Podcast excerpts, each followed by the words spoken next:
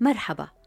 نقوم في راديو وتلفزيون الآن بمتابعة أخبار الجهاديين كما ترد على منصات التواصل الاجتماعي وخاصة المشفرة منها مثل التليجرام. نحاول أن نضعها في إطارها. ماذا تعني اليوم؟ وكيف ترتبط بما كان أمس؟ وكيف ستؤثر في الغد؟ أنا نهاد الجريري. أهلا بكم. مرصد الجهادية بودكاست على راديو الآن.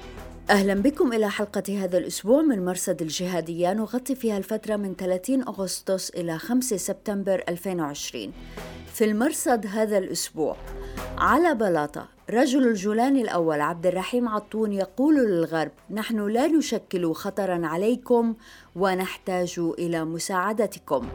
هيئة تحرير الشام تقول نحن دولة سواء اعترف بنا أم لا وتواصل اعتقال المستقلين والمهاجرين آخرهم الفرنسي عمر الديابي أومسن حساب قاعدي يكشف عن سياسة إخفاء قسري انتهجها الجولاني ضد العنيدين. طالبان تكثف هجماتها في أفغانستان تزامنا مع الذكرى الثانية لوفاة جلال الدين حقاني الزعيم السابق لشبكة حقاني. ضيفا الأسبوع عبد الرحمن مظهر الهلوش الباحث السوري صاحب كتاب الشيخ والطبيب أسامة بن لادن وأيمن الظواهري. الظواهري لا يصلح أن يكون زعيما أول إنما يصلح أن يكون زعيما ثاني أو نائب لزعيم التنظيم الأساسي. وسانيا رحمن الصحفية المتخصصة في صحافة البيانات في أخبار الآن. وأن أستخرج بيانات تبين ما إذا كان داعش يقول الحقيقة هنا أم لا. وبإمكانكم الاطلاع على نص هذه الحلقة ومشاهدة النسخة التلفزيونية في أخبار الآن دوت نت. مرصد الجهادية بودكاست على راديو الآن. نشرت صحيفة ليتون السويسرية الناطقة بالفرنسية كلاما على لسان عبد الرحيم عطون رئيس المجلس الشرعي في هيئة تحرير الشام. قال نحاول اليوم أن نظهر صورتنا الحقيقية لا نهدف إلى تقديم صورة أفضل أو أسوأ نريد أن نظهر الحقيقة. الناس هنا ليسوا مثل أولئك في الرقة إبان خلافة الدولة الإسلامية. بين قوسين داعش. جماعتنا لا تشكل خطرا على الغرب. المنطقة تحتاج إلى العون الدولي حتى تعيد بناء ذاتها. نحن آخر من بقي يقاتل النظام وحلفائه ولن نستطيع القضاء عليه من دون مساعدة معارضو الهيئة وصفوا هذا الكلام بالخيانة والانبطاح وربطوه بحملة الاعتقالات الأخيرة في صفوف الجماعات المستقلة والمعارضين والمهاجرين والجماعات الموالية للقاعدة بشكل عام. أبو محمد المقدسي علق: من لا يربط بين المقدمات والنتائج ولا يتأمل في المتماثلات فليبكي الآن على نفسه قبل أن يبكي عندما يكتشف أنه كان ألعوبة يضحك عليه الخبثاء والمتلونون. رد عدوان البغاة هذا الحساب الموالي للقاعدة قال عطون في سنة 2015 كان يعتبر مصطلح المعتدلين عند أمريكا يساوي مصطلح الخائنين ويضرب أي مشروع تتبناه أمريكا. أما اليوم فهو يترجى أمريكا أن تغير صورته وأن تتبناه. فهل كان عطون سنة 2015 سفيها أم أنه أصبح خائنا حسب رأيه هو في سنة 2020 مزمجر الثورة قال تصريح عطون هو الكرت الأخير لكشف الستار أمام كل مخدوع أما داعش فاندهش أنصارها من اندهاش أنصار القاعدة ومعارضي الهيئة من هذا التصريح وقال حساب داعشي ألا يعلم هؤلاء أن الجولاني يطبق توجيهات قيادة القاعدة بالحرف؟ عودوا لأرشيف قياداتكم وتنظيراتهم لتعلموا أن طريقة حكم الجولاني لإدلب كان حلما للقاعدة وكانت توصي به بعد أن تتمكن في بقعة ما ولأن الجولاني ركلكم وتخلص منكم بعد أن استخدمكم للنجاة من سيف البغدادي ها أنتم تهاجمونه على استحياء ولم تصدعوا بكفره حتى الآن. أما في ردود الفعل لدى الحسابات الموالية لهيئة تحرير الشام حساب الدالاتي للإعلام لم يشر إلى التصريح مباشرة لكنه تحدث عن واقعية المعركة وأن المعركة كر وفر وأن في كل مرحلة على الطريق لابد من مصاعب جديدة أشد وأقسى من سابقتها. ومؤسسة البينة التي باتت معنية بتفنيد ما قاله ويقوله المقدسي نشرت أن المقدسي قال قديما إن التواصل مع بعض دول الجوار لتحييدها أو لتأمين ظهرهم أو لإيجاد ممرات آمنة أو نحوه أمر لا ينكره إلا جاهل لا يعرف السياسة الشرعية النبوية الحكيمة. من فمك ندينك ختمت البينة. مرصد الجهادية. بودكاست على راديو الآن. اعتقلت هيئة تحرير الشام الفرنسي عمر ديابي المعروف أيضا باسم عمر أمسان الموجود في سوريا منذ 2013 وكان له دور كبير في تجنيد المتحدثين بالفرنسية. الهيئة قالت إن الاعتقال جاء بسبب مخالفات ارتكبها ديابي طوال الفترة الماضية ومنها تفرده بما يشبه إدارة مصغرة خاصة به وبأهل منطقته تتضمن أغلب الإجراءات المدنية المتعلقة بالأحوال الشخصية كالزواج والطلاق والمعاملات وإقامة محكمة خاصة وحتى إقامة سجن. الهيئة اعتبرت ذلك باب إفساد وشر. حساب جلاد المرجئة المعارض للهيئة علق إن الفرنسية لديه هذه الإدارة الذاتية منذ سنوات والهيئة اعتقلته قبل فترة وهي تعلم أن لديه هذه الإدارة لكنهم أطلقوا سراحة. ومرة أخرى يعتقلونه بالتزامن مع حل باقي الجماعات الجهادية وبدء الترويج لبان سوتشي المعني بطرد المهاجرين من الشام.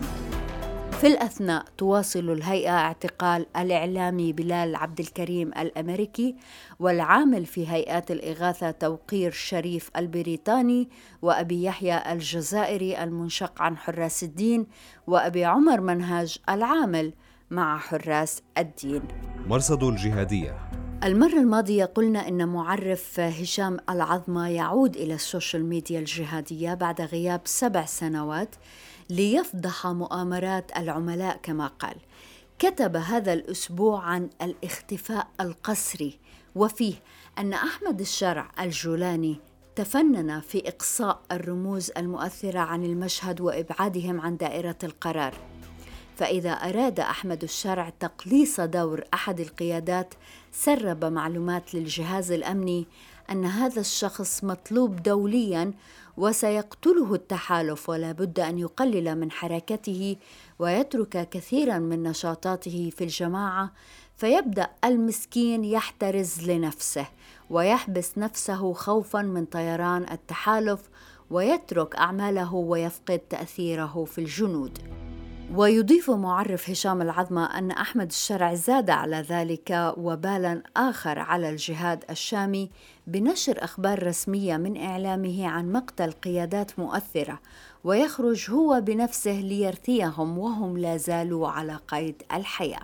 فقد استطاع إقناع الجميع حوله بالعمل جهارا نهارا بعيدا عن العتمات بعلم المخابرات بحجة أنهم يمثلون الأمان لهم. وفي إطار مشابه تداولت معرفات معارضة للجولاني فيديو عن أبي القعقاع السوري وهو شخصية جدلية في الجهاد الشامي فيعتقد أنه رجل مخابرات في نظام الأسد وأنه مسؤول عن إرسال الجولاني إلى العراق. لا يزال لدينا أخبار في المرصد عن تناقضات هيئة تحرير الشام ومناكفات مشايخ الجهادية وعن دولة الجولاني وما الذي قاله داعش عن إعلام القاعدة في غرب أفريقيا؟ فابقوا معنا. مرصد الجهادية. ونحن على مشارف الذكرى التاسعة عشر لهجمات 11 سبتمبر نسأل عن أي قاعدة نرى اليوم؟ أو بالأحرى كيف أضاع الظواهري تنظيم القاعدة؟ في 2011 صدر كتاب عن دار رياض الرئيس للكتب والنشر بعنوان الشيخ والطبيب أسامة بن لادن وأيمن الظواهري للباحث السوري عبد الرحمن مظهر الهلوش وهو معنا الآن من سوريا. شكرا جزيلا أستاذ عبد الرحمن لوجودك معنا. أهلا وسهلا. أستاذ لنبدأ من النهاية وحتى نؤسس لما سيأتي. من متابعتك أين ترى القاعدة اليوم؟ في الحقيقة القاعدة اليوم بعد هجمات الحادي عشر من أيلول سبتمبر 2001 منيت بهزائم عديدة. آخر هذه الهزائم هي في العراق عام 2003 كما نعلم شكل آه، أبو مصعب الزرقاوي آه، قائد التوحيد والجهاد تنظيما شرسا ضد القوات الأمريكية. ولكن التنظيم مني بهزيمة ساحقة حيث أدى إلى انفراط عقد القاعدة التنظيمية وتحول تنظيم القاعدة إلى مجموعة من الشبكات المتناثرة على مستوى المنطقة أفقيا وليس هرميا. ذلك ولد حاجة لدى قيادة القاعدة بزعامة أيمن الظواهري الذي تولى قيادة زعامة القاعدة بعد عام 2000 في عام 2011 أيار مايو بعد مقتل أسامة بن لادن.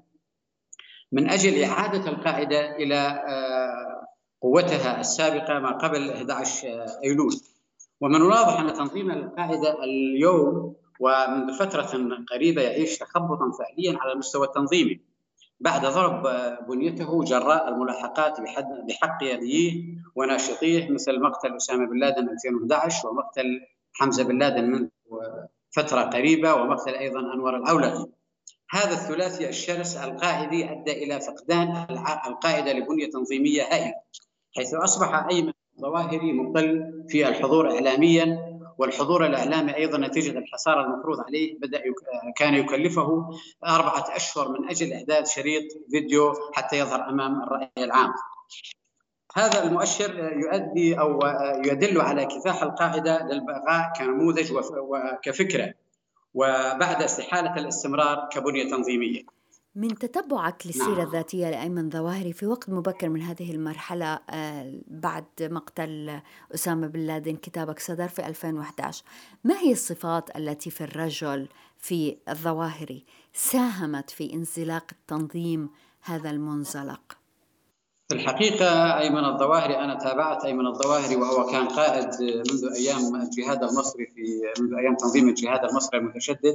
وأنا تنبأت في الحقيقة في كتابي الذي صدر في عام 2011 الشيخ والطبيب الصادر عن دار رياض الرئيس للكتب والنشر في بيروت بوصول الظواهري إلى زعامة تنظيم القاعدة ولكن خلافات فقهية خلافات تنظيمية داخل التنظيم مع أقطاب التنظيم آنذاك الدكتور فضل المصري وغيره أدت إلى تشظي تنظيم القاعدة إلى تنظيمات آه، صغيرة. آه، تزامن ذلك مع آه، بدء الفوضى في الدول العربية في اليمن في سوريا في ليبيا في مصر أيضا. كل هذا أدى إلى انه برزت تنظيمات صغيرة كانت تعمل تحت راية تنظيم القاعده ومن ثم أعلنت الاستقلالية، لم تؤمن بزعامة تنظيم آه، ايمن الظواهر لقياده التنظيم، بل كانت تستقي فكرها حتى اللحظة من أفكار أسامة بن لادن. وبالتالي هذه الخلافات التي احدثها الظواهر بمجيئه إلى زعامة تنظيم القاعده أدت إلى تشظي التنظيم وإلى انزلاق التنظيم إلى خلافات داخلية مما أنعكس لاحقا على بنية التنظيم وقوقعة التنظيم وبالتالي هذا التنظيم أنا برأيي هذه بداية النهاية لتنظيم القاعدة كما ذكرت قبل قليل. التنظيم سيبقى كفكرة وليس كواقع. وهناك معلومة ربما لا يجهلها البعض أن أيمن الظواهري آه، دخل إلى الولايات المتحدة الأمريكية بجواز السفر مزور من أجل آه، جمع تبرعات آه، للتنظيم الجهاد العالمي. وأن الظواهري كان مرافق لبن لادن في أفغانستان وكان اليد اليمنى لأسامة بن لادن وكان هو المنظر الفقهي لبن لادن أنا أتوقع أن الظواهري لا يصلح أن يكون زعيما أول إنما يصلح أن يكون زعيما ثاني أي نائب لزعيم التنظيم الأساسي أسامة بن لادن ما هي هذه الخلافات؟ لماذا أخفق الظواهري في إدارة هذه الفروع؟ كان ينظر ايمن الظواهري إلى أنه يحدث هزة جهادية على مستوى العالم وهو الذي شارك في عام 1998 في صياغة نظام أو ما يسمى تنظيم الجهاد العالمي ضد الصليبيين مع أسامة بن لادن. كان للظواهر تأثير يعني الظواهر يعتبر أكثر تشددا في الحقيقة في موضوع الجهاد أكثر من أسامة بن لادن، أسامة بن لادن كان عبارة عن شخص خجول، كان شخص هادئ ولكن كل القرارات المهمة في التنظيم كان يتخذها أيمن الظواهري. هذا الموضوع بعد وفاة أسامة بن لادن في أيار مايو 2011 ووصول أيمن الظواهري إلى الزعامة ظهرت أهداف الظواهري إلى العلن واستشعر زعماء الزعماء الصغار في تنظيم القاعدة أو لنقل زعماء التيارات الجهادية في المنطقة بخطورة الظواهري على المشروع الجهادي التي تتبناه تنظيم القاعدة مما أحدث هنا خلل في العلاقة ما بين المركز في أفغانستان في بيشاور بقيادة الظواهري وفروع القاعدة في المنطقة. وما هو هذا الخطر؟ الخطر أن الظواهر كان أو يتجه إلى أن الجهاد يجب إلى نتجه إلى العدو الأكبر اللي هو أوروبا اللي هو الولايات المتحدة الأمريكية وكان طارح موضوع الخلافة أيضا هذه المواضيع بصراحة أصبحت من الماضي خصوصا في الفترة الحالية أصبح التنظيمات الصغيرة تذهب إلى أنه يجب علينا أن ننطلق من المنطقة العربية مفهوم الأمة مفهوم الإقليم ونبتعد عن مفهوم الجهاد أو مفهوم الأممية في الجهاد. هذا لم يرق للظواهر مما أحدث خلافات عميقة بينهما. أستاذ عبد الرحمن وأنت تكتب الكتاب هل خطر لك أن ترى القاعدة كما تراها اليوم؟ والله أنا الحقيقة لا لم أتوقع. أنا كتبت الكتاب في 2011 ولم أكن أتوقع ذلك ولكن الذي أوصل القاعدة إلى مرحلة الضمور إن صح التعبير الآن أنا أقول إن أقول إن القاعدة وصلت إلى مرحلة الضمور إلى النهاية وستصبح اؤكد مرة أخرى ستصبح كفكرة فقط مثلها مثل تنظيمات عديده في التاريخ ذهبت ويبقى اسمها فقط. آه لم أكن أتوقع هذا كان هناك كنا مندهشين من القاعدة. كنا نترقب أشرطة أسامة بن لادن على الفضائيات. كان هذا كانت الأشرطة تحقق أكبر نسبة مشاهدة على آه، شبكات التلفزة الأمريكية.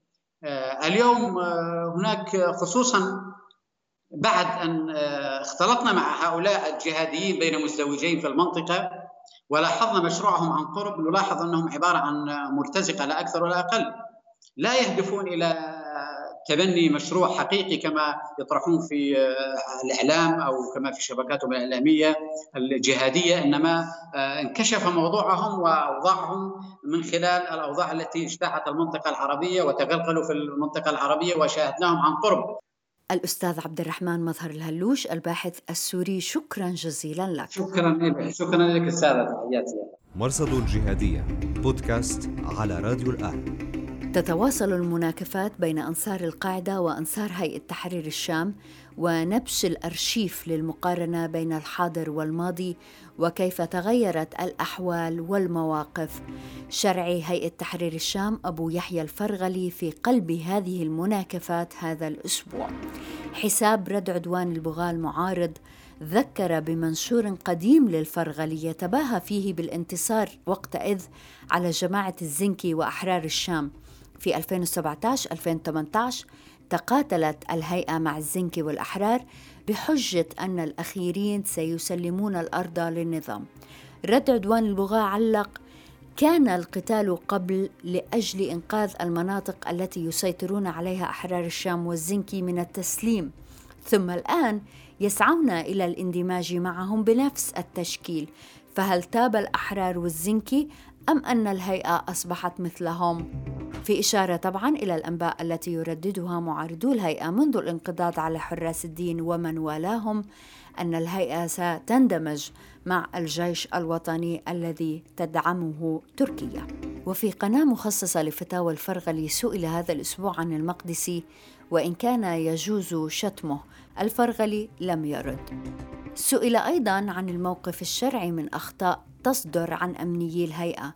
الفرغلي لم يرد. سئل أيضا عن تكفير الجيش التركي. الفرغلي رد ولم يرد. رد على سؤال ما حكم أعيان الجيش العلماني من دون أن يذكر تركيا في جوابه. وفي نهاية الأمر إدارة الصفحة طلبت بأن تقتصر الأسئلة على العلم وعدم تمرير رسائل من خلال طرح سؤال.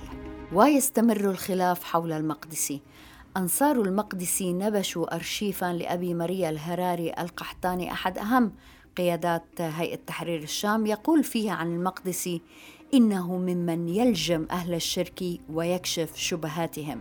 وتابعه المقدسي بإمتاعه نقلا عن المذكور بإحسان الإفريقي المهاجر وهو تونسي مناصر للهيئة قال كانت المشايخ تنصح بكتب البرقاوي أي المقدسي وسيد إمام. وكان شيخنا الخزرجي يحذرنا منها وأذكر جملة له قال لي يا بني اترك عصابة البغدادي وفاصل الغلا. أبو محمود الفلسطيني الموالي للهيئة ويمثل كثيرا مما يقوله أبو قتادة الفلسطيني الصديق السابق القديم للمقدسي. قال المقدسي دمر التيار الجهادي بسبب نشره للغلو وعدم وقوف قادة الجهاد لانحرافاته. أما داعش فيراقب من بعيد حساب باسم إيساف تحت هاشتاج شركاء متشاكسون. قال كل ما قاله داعش أمس عن الجولاني يقوله اليوم القاعديون حتى وصفه بالناكث. القاعدة بظواهرها يتحملون الوزر الأكبر فيما جرى فهم من سمنوه حتى أكلهم اليوم. مرصد الجهادية. السبت الماضي 29 أغسطس احتجت سيدات في أطمة أمام المحكمة مطالبات بإطلاق سراح أبنائهن. حدث أن أطلق أمنيو الهيئة النار لتفريقهن وتطاول أحدهم عليهن بالكلام. هيئة تحرير الشام قالت في بيان صادر عن العلاقات العامة إن حزب التحرير وهو جسم سياسي يسعى إلى إقامة خلافة. استغل النساء وحرضهن على اقتحام المحكمة فزاد التوتر في المحكمة ما اضطر أمنيي الهيئة إلى فض المظاهرة. انتهى البيان. لاحقا قامت الهيئة باعتقال شاب قيل إنه دافع عن النساء ذلك اليوم. معارضو الهيئة تناقلوا الفيديو وشبهوا اقتحام المنزل بممارسات النظام. مرصد الجهادية. التقت قيادة الجناح العسكري لهيئة تحرير الشام مع مجموعة من الإعلاميين. أهم ما جاء في اللقاء بحسب مكتب العلاقات العامة للهيئة أن هيئة تحرير الشام دولة سواء اعترف بها أم لا. لها سلطة ومؤسسات تدير المنطقة على كافة الصعد ومنها الحرب الإعلامية. حساب معارض باسم طلحة المسير قال ذكرتني هذه العبارة بجنون البغدادي ودولته التي في ذهنه والتي رتب على قيامها جرائم وأحكاما عديدة. انضم إلى حركة طالبان بقصد القضاء على الفوضى الحاكمة وملوك الطوائف في البلد. تناقل أنصار القاعدة شريط فيديو عن جلال الدين حقاني الزعيم السابق لجماعة حقاني في الذكرى الثانية لوفاته حقاني توفي بعد مرض شديد. كثفت وكالة ثبات الموالية للقاعدة نشر أخبار عن عمليات تقوم بها جماعة نصرة الإسلام والمسلمين ضد الجيش في مالي. أنصار القاعدة علقوا على إحدى الهجمات بأنها جاءت هدية بمناسبة استلام الحكومة الجديدة بعد الانقلاب الأخير ويبدو أن هذا رد على أنصار داعش الذين انتقدوا الأسبوع الفائت قتال نصرة الإسلام والمسلمين للتنظيم واعتبروا أن ذلك عربون حسنية للحكومة الجديدة. هذا الأسبوع علق حساب إيساف الداعشي والنشط جدا أن وكالة ثبات وهي غير رسمية تبنت أعمال عسكرية في الساحل لتنظيم القاعدة ولم تتبنى الوكالة الرسمية للقاعدة هناك وهي الزلاقة تلك الأعمال. وبالفعل هذا الكلام صحيح بالعودة إلى حساب الزلاقة كما كثف الثبات نشر الأخبار المتعلقة بطالبان في أفغانستان ومنها أكثر من 47 قتيل من الجيش في عملية انتحارية شرق البلاد. وفي كل هذا تذكر بإزالة العوائق أمام الحكم الإسلامي كما جاء في أحد هذه الأخبار. طالبان وقعت اتفاقية سلام مع واشنطن مطلع العام ومن شروط الاتفاق التخلي عن القاعدة والدخول في مفاوضات حكم مشترك مع الأطياف الأخرى في أفغانستان ومنها العلماني والشيوعي. أسبوع هادئ بالنسبة لداعش لا شيء لافت صحيفة التنظيم الأسبوعية النبأ صدرت كالمعتاد في عددها 250 العنوان الرئيس على الصفحة الأولى كان عما وصفته بتصعيد هجمات في ديالا العراق مجموع هجمات التنظيم هذا الأسبوع بلغ 82 هجمة أكثرها في العراق بواقع 58 وأكثرها في ديالا بواقع 16 وهذا الأسبوع أنجزت الزميلة في أخبار الآن سانيا رحمن دراسة تحليلية لبيانات تتعلق بزيادة نشاط داعش في فترة تفشي مرض كوفيد-19 الحقيقة منذ مطلع العام وكبرى دور البحث في العالم تتنبأ بعودة التنظيم بقوة. كيف نرى هذا على أرض الواقع؟ هذا بالضبط ما فعلته سانيا. لجأنا إلى إعلام داعش واستخرجنا المعلومات وعبأناها يدويا في جداول تظهر التواريخ والأماكن ومعايير أخرى. ثم نظرنا إلى هذه الجداول وحاولنا أن نجد أنماطا مشتركة. وهنا لاحظنا أنه في مايو ومطلع يونيو ارتفعت الهجمات بشكل واضح. ومع فريق من الصحفيين حاولنا أن ننظر إلى أحداث أخرى في المنطقة قد تفسر هذا الارتفاع.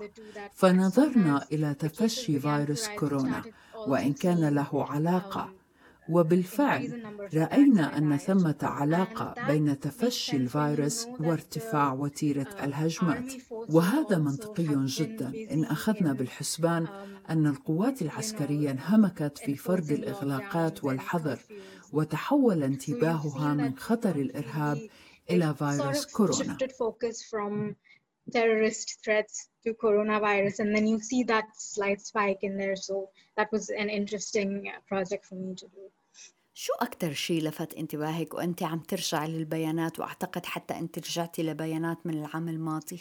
um, for me, I think the whole project in itself was first of all fascinating because المشروع كله كان مثيرا للاهتمام. شعرت كأنني طرف ثالث أنظر إلى هذه الأحداث بعدسة جديدة. فأنا كصحفية لم أتناول في عملي إرهاب داعش أو السياسة المتعلقة به. وشكل هذا تحديا لي أيضا حقيقة. فثمة أشياء كثيرة كان يجب فهمها حتى نستطيع أن نضع البيانات في الخانات المناسبة. فمثلا كان يجب أن نتعامل مع مسميات داعش للمناطق مثل ولاية الخير.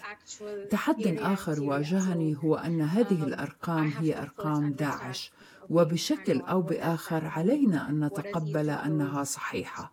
وأنهم فعلا نفذوا هذه الهجمات. وكم أحب في المستقبل أن أتحدى هذه المزاعم وأن أستخرج بيانات تبين ما إذا كان داعش يقول الحقيقة هنا أم لا؟ مستقبلا أحب أن أحصل على أنباء عن هجمات تقع في المنطقة سواء من الصحافة المحلية أو من مصادر مستقلة غير داعش. وأن ندرس هذه البيانات حتى نرى إن كان ثمة تعارض مع ما يقوله داعش. if there is a discrepancy or if they're actually telling the truth. سانيا رحمن الصحفية المتخصصة في صحافة البيانات. شكرا جزيلا لوجودك معنا. Thank you so much. وشكرا جزيلا لوجودكم معنا في راديو وتلفزيون الآن. بإمكانكم الاطلاع على نص هذه الحلقة ومشاهدة النسخة التلفزيونية في أخبار الآن دوت نت. أنا نهاد الجريري. مع السلامة. مرصد الجهادية بودكاست على راديو الآن.